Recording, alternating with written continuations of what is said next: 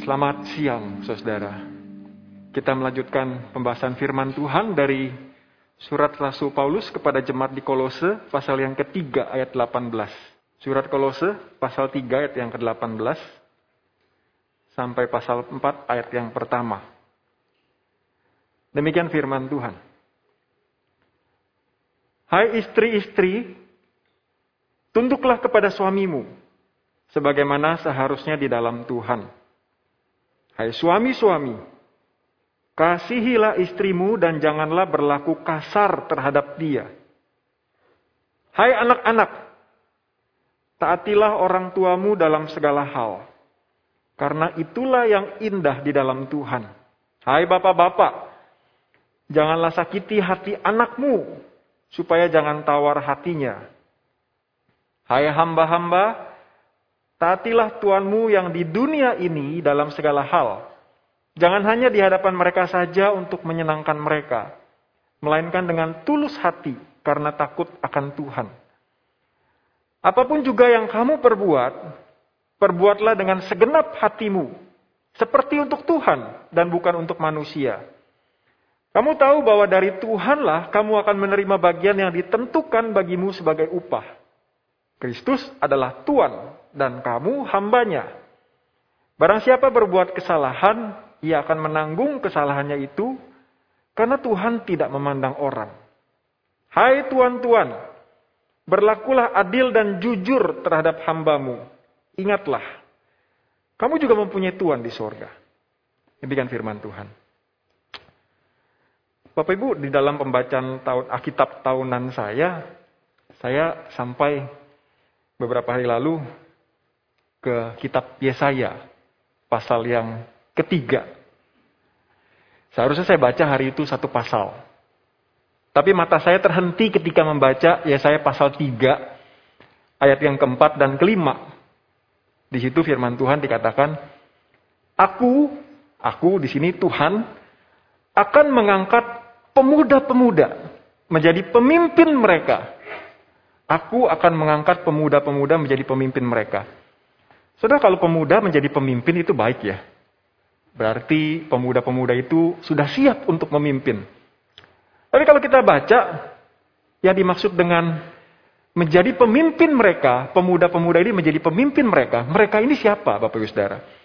Ternyata kalau baca ayat di atasnya itu, mereka yang dimaksud itu adalah pahlawan, orang perang, hakim, nabi, tua-tua, perwira, Orang yang terpandang penasihat. Kalau mau digabungkan jadi satu, mereka adalah orang-orang yang sudah punya pengalaman cukup dan usianya lumayan senior. Tapi firman Tuhan waktu saya baca mengatakan, Aku Tuhan akan mengangkat pemuda-pemuda menjadi pemimpin mereka. Orang-orang yang sebenarnya lebih layak memimpin. Dibanding si pemuda-pemuda. Jangan salah paham ya. Saya nggak anti anak muda. Saya masih sangat passionate untuk melayani anak muda. Bahkan kalau Tuhan kasih izin, saya pengen terus-terusan melayani anak muda. Karena saya tahu anak muda perlu dipersiapkan menjadi seorang pemimpin yang baik. Takut akan Tuhan. Tapi bukan itu saja. Dia saya melanjutkan. Aku juga akan mengangkat anak-anak yang akan memerintah atas mereka. Anak-anak akan memerintah atas nabi, hakim, tua-tua, perwira, orang yang terpandang. Aneh bukan? Orang muda akan membentak-bentak terhadap orang tua. Orang hina akan membentak-bentak terhadap orang mulia. Saudara saya tertegun ketika membaca bagian ini. Bagaimana mungkin urutannya itu yang harusnya orang-orang yang harus memimpin.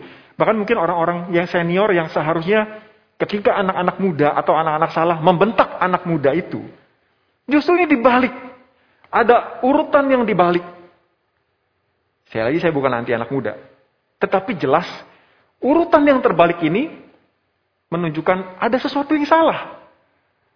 Ada sesuatu yang salah. Saudara dunia kita saat ini banyak yang terbalik. Emansipasi wanita yang kebablasan akhirnya menimbulkan gerakan feminisme. Kesetaraan gender. Wanita menjadi lebih unggul atas nama hak asasi manusia. Atas nama humanisme. Maka kemudian perempuan juga boleh jadi kepala keluarga untuk situasi-situasi khusus tertentu saya setuju. Ditinggalkan suami misalkan karena meninggal. Tapi dalam keadaan yang normal, sebagaimana yang seharusnya, tentu ketika masih ada suami, tetapi si istri jadi kepala keluarga, urutannya terbalik. Ada yang salah. Suami atau pria, bapak-bapak, menjadi kepala rumah tangga yang kerja istri. Lalu istri yang memang lebih talented, penghasilannya lebih tinggi, mereka memandang rendah suami-suami. Nah Bapak Ibu bagian kalau saya kita baca ini sangat paralel dengan Efesus pasal 5 ayat 22 dan seterusnya. Lebih detail di sana. Lalu bagaimana dengan anak-anak muda di zaman sekarang? Uh, banyak sekali yang jadi pemimpin. Sangat banyak. Didorong dengan kondisi pandemi yang sangat mengandalkan teknologi. Anak-anak muda. Mereka adalah native. Lahir di dalam dunia teknologi. Mereka didorong untuk maju. Tapi mohon maaf sekali kepada para anak muda. Saya merasa anak-anak muda zaman sekarang, badan secara fisik lebih kuat, otak lebih cemerlang. Tapi soal mental, saya merasa banyak yang umurnya udah 20, 30 tahun, tapi usianya masih belasan tahun. Usia mentalnya. Ada yang terbalik, ada yang salah di sini Bapak Ibu. Mungkinkah itu yang sedang terjadi dalam jemaat kolose juga? Masalahnya mungkin berbeda, tapi esensinya sama. Suami-suami tunduk kepada istri mereka. Bukan istri-istri tunduk kepada suami mereka. Orang tua taat kepada anak-anak mereka. Zaman saya, berapa puluh tahun yang lalu, ada satu sinetron. Yang tema besarnya itu suami-suami takut istri. Lalu anak-anak zaman sekarang juga pinter-pinter. Anak-anak zaman sekarang bisa secara tanda kutip dengan kecerdasan mereka membuat orang tua taat kepada mereka. Sebenarnya dari zaman dulu sih ya. Kalau anak bayi nangis, merontak untuk dipenuhi kebutuhannya itu normal. Tapi sekarang anak remaja, anak pemuda dengan memeras orang tua mereka secara emosi. Ngambek, terus gak ngomong, terus berantem. Lalu orang tua berpikir, daripada gue diginiin terus sama anak gue, udahlah gue turutin aja. Ada yang salah di sini. Lalu juga di dunia kerja. Zaman dulu, hamba-hamba tinggal di rumah tuan mereka. Zaman sekarang beda. Tapi dengan people power, labor power, maka apa yang menjadi tuntutan mereka para bos terpaksa menuruti. Banyak hal yang terbalik di dunia kita zaman sekarang. Nah saudara, kalau saudara sedang mengalami salah satu hal di atas, menjadi korban. Atau bisa sebaliknya, sebagai pembalik urutan itu, saudara mari kita belajar. Perhatikan perintah firman Tuhan yang disampaikan melalui Rasul Paulus. Rasul Paulus di dalam beberapa ayat ini jelas ngomong tiga hal. Relasi di dalam Kristus satu sebagai suami istri, sebagai orang tua anak, sebagai tuan dan majikan. Mari kita lihat yang pertama. Bapak saudara, Rasul Paulus pertama ngomongin tentang hubungan suami istri. Menarik ya. Dimulai bukan dengan hai suami. Tapi hai istri-istri. Atau hai kamu yang akan menjadi istri. Hai istri-istri, tunduklah kepada suamimu suamimu. Kalau baru nikah mungkin gampang. Tapi setelah bertahun-tahun nikah, belasan tahun, puluhan tahun, sifat jeleknya udah mulai kelihatan. Susah rasanya tunduk sama suami. Bagaimana tunduk kepada suami yang kerjaannya tiap hari cuma main game? Sifatnya udah kayak anak-anak aja, kayak remaja. Main game aja kerjanya. Sementara si istri banting tulang. Atau kalau tidak banting tulang, minimal pandemi mengajarkan kita ya. Ternyata jadi ibu rumah tangga itu nggak gampang. Tapi melihat suami yang seharusnya kerja di rumah bisa menolong karena tidak ada pembantu, takut covid, cuek aja dia. Nggak peduli. Alasannya, alasannya, kan saya kerja di rumah. Saya perlu konsentrasi, tapi tunggu dulu. Bener gak begitu? Atau kita tahu ketika selidiki dalam hati kita sungguh-sungguh sebagai suami, itu sudah seharusnya kerjaan istri. Kadang-kadang kita terlalu egois untuk mau peduli dengan istri kita. Bagaimana dengan suami yang mabok-mabokan, berjudi, tiap malam ngumpul sama teman-temannya, yang selingkuh. Bagaimana tundukkan diri terhadap suami seperti itu, Pak?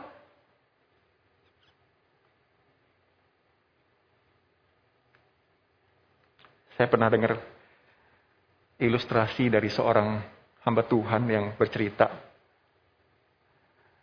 Terjadi perselingkuhan dalam satu rumah tangga. Lalu kemudian singkat cerita mereka rekonsiliasi. Dari luar mereka sudah fine-fine aja. Jadi ternyata satu kali ketika sang suami mau pergi kerja pamitan sama istri, lalu suaminya pergi di tengah jalan ketika berkendaraan, dia lupa ada barang penting yang harus dia bawa untuk meeting hari itu. Lalu segera dia berputar balik, pulang ke rumah. Dia panggil istrinya tidak ada jawaban. Dia cari ke ruang tamu, gak ada suaminya. Dia cari ke ruang makan, gak ada istrinya. Dia cari ke belakang, pikir mungkin istrinya sedang menjemur baju atau menyetrika. Gak ada juga jantungnya mulai berdegup keras. Karena dia pikir, jangan-jangan istri gue balas gue. Sampai akhirnya dia terus mencari dan menemukan istrinya ada di pojok kamarnya. Yang kebetulan, bukan kebetulan ya, ada satu ruang khusus lagi masuk ke dalam kamar itu. Sedang berlutut dan berdoa. Dan mengatakan, Tuhan, aku sudah mengampuni suamiku. Tapi sulit bagiku untuk tunduk hormat kepada dia. Para istri tentu tidak gampang ketika menemukan suami jauh dari gambaran ideal yang saudari-saudari punya. Banyak kali suami telah melukai istri saya tahu. Saya sudah menjadi suami sekian tahun.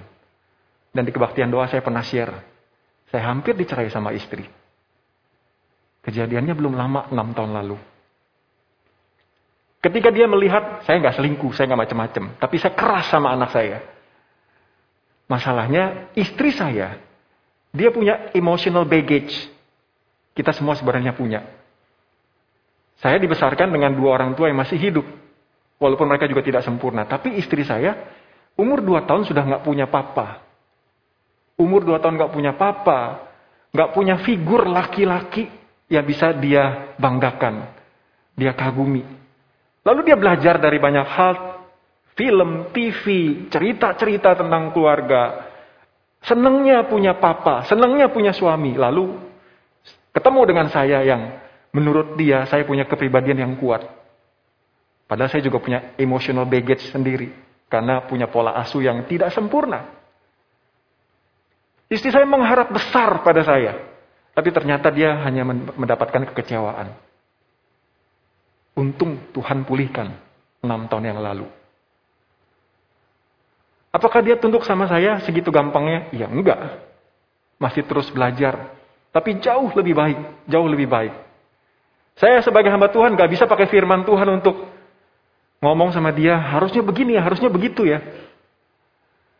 Gak berlaku. Di rumah gak berlaku. Di rumah saya bukan hamba Tuhan. Saya suami. Di kantor mungkin saya bos. Tapi di rumah saya suami. Yang istri lihat adalah kita adalah suami, laki-laki, bapak-bapak. Berlakulah sebagai suami. Sehingga istri bisa tunduk. Tapi istri-istri Sorry. Firman Tuhan ini ditujukan kepada keluarga Kristen. Tapi keluarga Kristen yang belum sempurna, pasti akan ada kekurangan. Yang jelas, Rasul Paulus sebelum ngomong hal yang sangat praktis di bagian ini, pasal 1, pasal 2, Rasul Paulus sudah menjelaskan panjang lebar tentang keutamaan, keunggulan Kristus, bahwa dia adalah Tuhan, bahwa dia adalah Raja yang memerintah dalam hidup kita. Pasti ada kekurangan, pasti ada kelemahan. Tapi selama suami takut akan Tuhan, suami beriman kepada Tuhan, tunduklah kepada suami. Yang menjadi penekanan di sini bukan saya tunduk suami supaya, tapi seharusnya saya tunduk sama suami karena itu yang firman Tuhan katakan. Menarik ya. Di Efesus lebih jelas Rasul Paulus bilang begini, "Hai istri, tunduklah kepada suamimu seperti kepada Tuhan." Wow. Tunduk kepada Tuhan yang sempurna kehendaknya, yang sempurna instruksinya, oke. Okay. Tunduk kepada suami yang tidak sempurna, tapi saya harus tunduk seperti kepada Tuhan. Ini firman Tuhan. Kembalikan urutannya. Istri-istri yang berkarir atau yang merasa mungkin saya lebih pintar dari suami saya, saya lebih berpendidikan dari suami saya, saya lebih kaya, saya lebih punya uang. Dia bukan siapa-siapa sebelum menikah dengan saya. Gak ada alasan. Kalau kamu takut sama Tuhan, kalau kamu cinta Tuhan, kamu akan membuat Tuhan memang benar, kelihatan benar di mata suamimu. Dan mendorong suami itu menjadi kepala. Jangan lupa suami-suami, ketika istri tunduk, atau bahkan ketika istri tidak tunduk, perintah firman Tuhan yang Paulus sampaikan pun tidak berubah. Hai suami, kasihilah istrimu, dan janganlah berbuat kasar kepadanya. Saudara saya tidak mau panjang lebar di bagian ini. Ini kata perintah semua dari Rasul Paulus. Bobotnya adalah firman Tuhan. Kasihilah itu adalah kata yang dipakai itu sama seperti kasih yang jenisnya kasih dari Tuhan. Agape. Kasih yang tanpa syarat. Kasih yang tidak bersyarat. Kasih yang tidak memandang bentuk tubuh setelah puluhan tahun melahirkan empat anak berubah. Tetap mengasihi istri sama seperti pertama kali kamu jatuh cinta. Tetap mengasihi istri ketika dia tidak tunduk kepada diri kita sebagai suami. Gak gampang. Saya diam-diam pernah mencaci istri dalam hati. Ketika keselnya itu rasanya udah di ubun-ubun. Kok bisa sih dia begitu? Saudara pasti ngerti apa yang saya alamin. Istri juga sama sebenarnya. Kok bisa sih dia cuma mikirin diri sendiri? Saudara itu kata kasih yang dipakai itu sama seperti pengorbanan Kristus di atas kayu salib buat orang-orang berdosa. Tuhan Yesus mati di atas kayu salib bukan untuk orang-orang Kristen, bukan. Tapi buat orang-orang yang belum percaya dia, yang terus memberontak dia, yang terus meludahi dia. Buat orang yang menusuk dia, yang memakukan dia di atas kayu salib. Kasih yang seperti itu. Kasih yang seperti itu. Mengasihi istri yang tidak peduli saya kerja keras demi keluarga ini, tapi menghambur-hamburkan uang.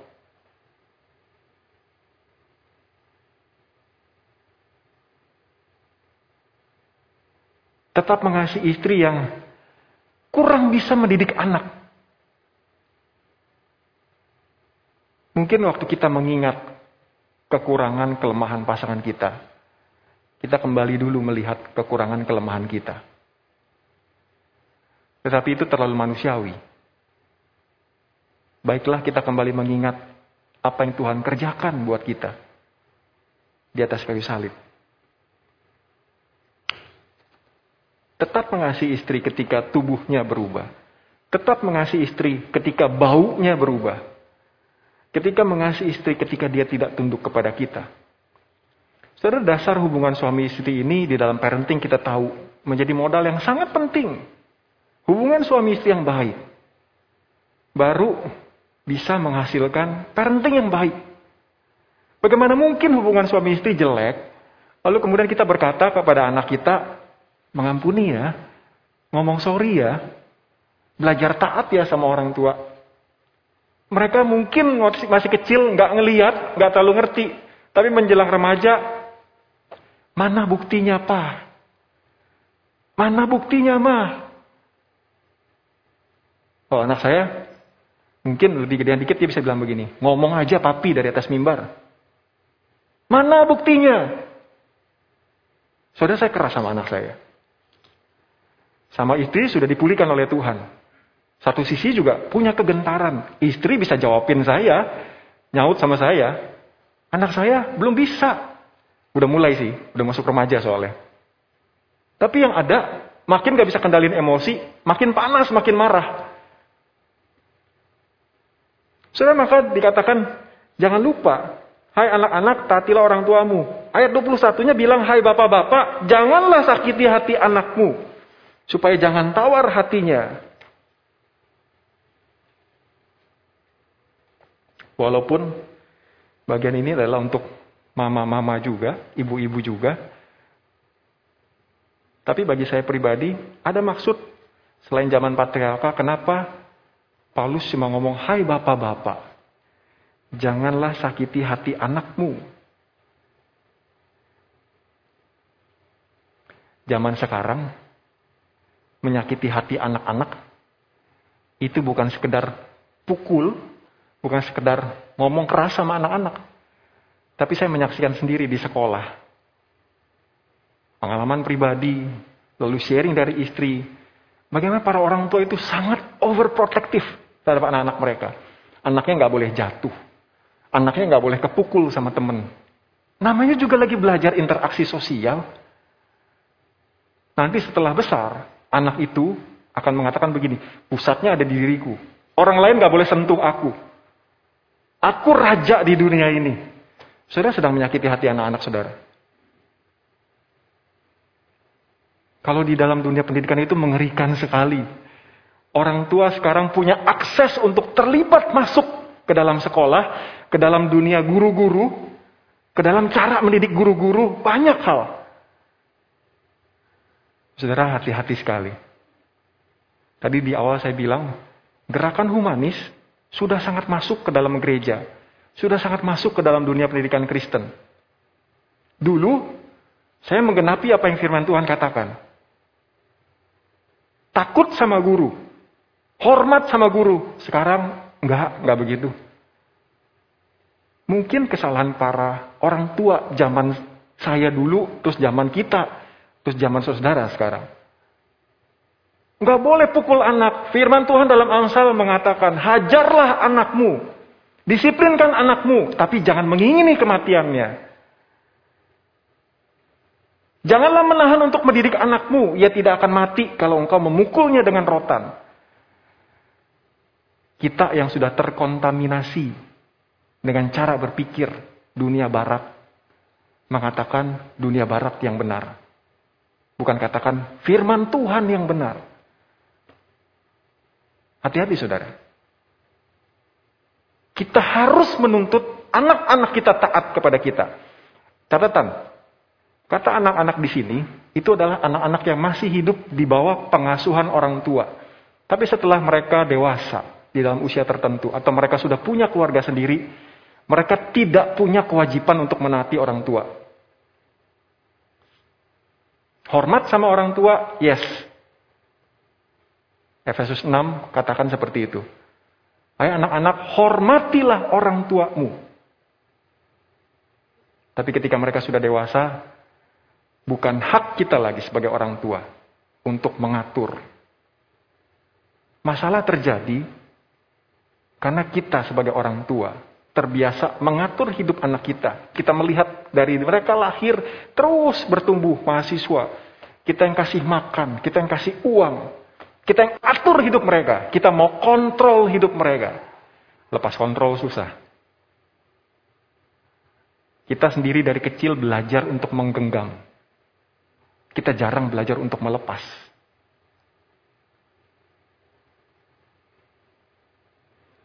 Jangan sakiti hati anak. Tapi bagi kita yang masih jadi anak, mungkin kita sudah tidak harus taat sama orang tua. Tapi ketika orang tua kita berkata, itu adalah kata-kata yang harus kita pertimbangkan dengan serius. Bahkan cukup sering kita harus menaati mereka. Karena mereka biar bagaimana lebih banyak makan asam garam dalam hidup mereka. Para orang tua dalam bentuk yang berbeda, kita bisa membuat hati anak-anak kita pahit ketika kita menjadi orang-orang dewasa yang tidak bertanggung jawab. Tadi ya, contoh suami-suami atau juga mungkin para ibu. Saya cukup sering mendengar, tetap saja ada ibu-ibu yang suka judi. Sekarang ini banyak ibu-ibu yang sosialita. Gak salah sih. Tapi ketika too much spending time on it, itu menjadi sesuatu yang salah Bapak Ibu. Para suami yang keras, kasar terhadap para istri. Saya mendengar kesaksian beberapa anak-anak yang trauma. Saya nggak mau nikah kalau saya harus mengalami seperti yang mama saya alami. Akhirnya, lebih parah lagi. Banyak anak-anak muda yang semakin terekspos dengan dunia global Kenapa saya harus dengan lawan jenis? Kalau sesama jenis, lebih saya bisa mengerti dan bisa menerima saya. Bapak Ibu, teladan hidup kita, apa yang anak-anak kita lihat, itu secara tidak langsung sedang mendidik anak-anak kita. Hati-hati Bapak Ibu. Yang terakhir, hubungan Tuhan dan hamba. Saudara saya masuk ke saat tahun 2004. Saya sempat kerja 7 tahun dari kuliah. Tidak terlalu banyak pengalaman yang saya dapatkan di dalam pekerjaan. Terakhir, sebelum ke Greenfield, saya di IPK 2 tahun. Kesimpulan saya tidak jauh berbeda ketika saya sebelum masuk ke saat. Masalah di dalam satu perusahaan. Cuma dua. Satu relasi, satu komunikasi. Cuma hal itu doang. Masalah relasi dan komunikasi, Bapak Saudara. Tapi firman Tuhan katakan, di sini ada yang lebih spesifik dari sekedar relasi dan komunikasi. Relasi dan komunikasi itu biasanya bos yang, ya saya bos, kamu harus turuti apa yang saya mau. Kamu hidup dari mana kalau bukan dari perusahaan ini? Arogan sekali. Dalam bentuk yang jauh lebih halus, esensinya sama. Tapi penyampaiannya pinter, dikemas sedemikian rupa, sehingga diam-diam si bos itu memanipulasi si karyawan. Kita manusia yang sangat-sangat cerdik Bapak Ibu Saudara. Ketika kita mengingini sesuatu, kita akan perjuangkan itu. Nggak peduli kalau harus manipulasi orang lain, yang penting saya untung. Atau sama, para hamba-hamba kepada karyawan zaman ini, taatilah Tuhanmu di dalam dunia ini, di dunia ini dalam segala hal. Jangan hanya di hadapan mereka saja untuk menyenangkan mereka.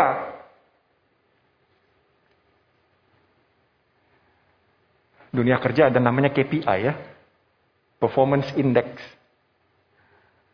Itu dibuat supaya kita memang menunjukkan performa kita. Tapi sebenarnya itu satu hal yang menunjukkan degradasi sebagai seorang pekerja seharusnya tidak dipus, ditekan dengan KPI. Tapi dengan tulus hati seperti untuk Tuhan. Bukan untuk manusia. Pergumulan saya sekarang sebagai hamba Tuhan. Saudara saya punya gembala di atas saya. Saya punya rekan kerja majelis, punya ketua majelis. Kalau saya nggak hati-hati, saya mau tampilkan yang terbaik supaya dapat pujian. Saya mau tampilkan yang terbaik saya supaya saya cepat jadi pendeta. Karena saya masih guru Injil. Saya mau mendapatkan aplaus dari rekan-rekan kerja saya. Maka saya menunjukkan performa saya. Tapi tidak dengan tulus hati. Tidak dengan tulus hati. Tidak untuk Tuhan. Tetapi untuk kemuliaan diri sendiri. Cerdik. Ketutup. Orang gak ada yang tahu. Tapi mari kita periksa hati kita masing-masing. Dan hai tuan-tuan, berlakulah adil dan jujur terhadap hambamu. Berlakulah adil dan jujur. Apa yang menjadi bagian mereka, jangan ditahan-tahan. Apa yang bisa membuat mereka berkembang jadi seorang pemimpin, lakukan itu. Ingat, kita punya Tuhan di sorga. Bapak Ibu Saudara, tiga hal menjadi pertanyaan refleksi bagi kita. Bagaimana dengan hubungan suami istri dalam keluarga? Apakah kita sebagai istri tunduk kepada suami? Apakah sebagai suami mengasihi istri? Bagaimana hubungan orang tua dan anak? Apakah mendidik mereka di dalam takut akan Tuhan? Apakah anak-anak taat kepada orang tua? Bagaimana hubungan tuan dan majikan? Apakah saling memanipulasi?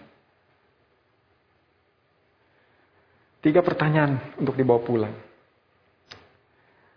Kata kuncinya, ayat 23, apa pun juga yang kamu perbuat, perbuatlah dengan segenap hatimu, seperti untuk Tuhan dan bukan untuk manusia. Bagian yang lain, Rasul Paulus pernah bilang gini di dalam 2 Korintus 2. 2 Korintus 2 ayat 14b.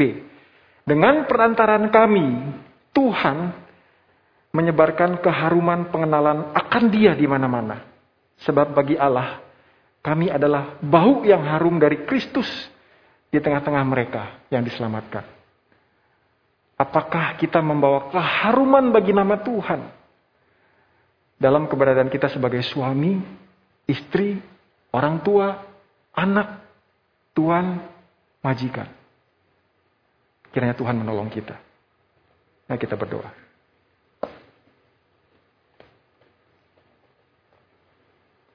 Tuhan terima kasih untuk firman Tuhan yang kami boleh baca. Tolong kami Tuhan untuk menjadi pelaku firman Tuhan. Ketika kami gagal, Tuhan jangan putus asa terhadap kami. Jangan tinggalkan kami. Tapi Tuhan, Engkau justru makin bekerja dengan kuat dalam diri kami. Karena ketika kami memuliakan Tuhan, Engkau juga dipuaskan. Biarlah kami terus memandang kepada pengorbanan Kristus. Menunjukkan mata kami terhadap karya Kristus dalam hidup kami. Terima kasih Tuhan. Tuhan berkati jemaatmu di tempat ini. Dalam nama Tuhan Yesus kami berdoa. Amin.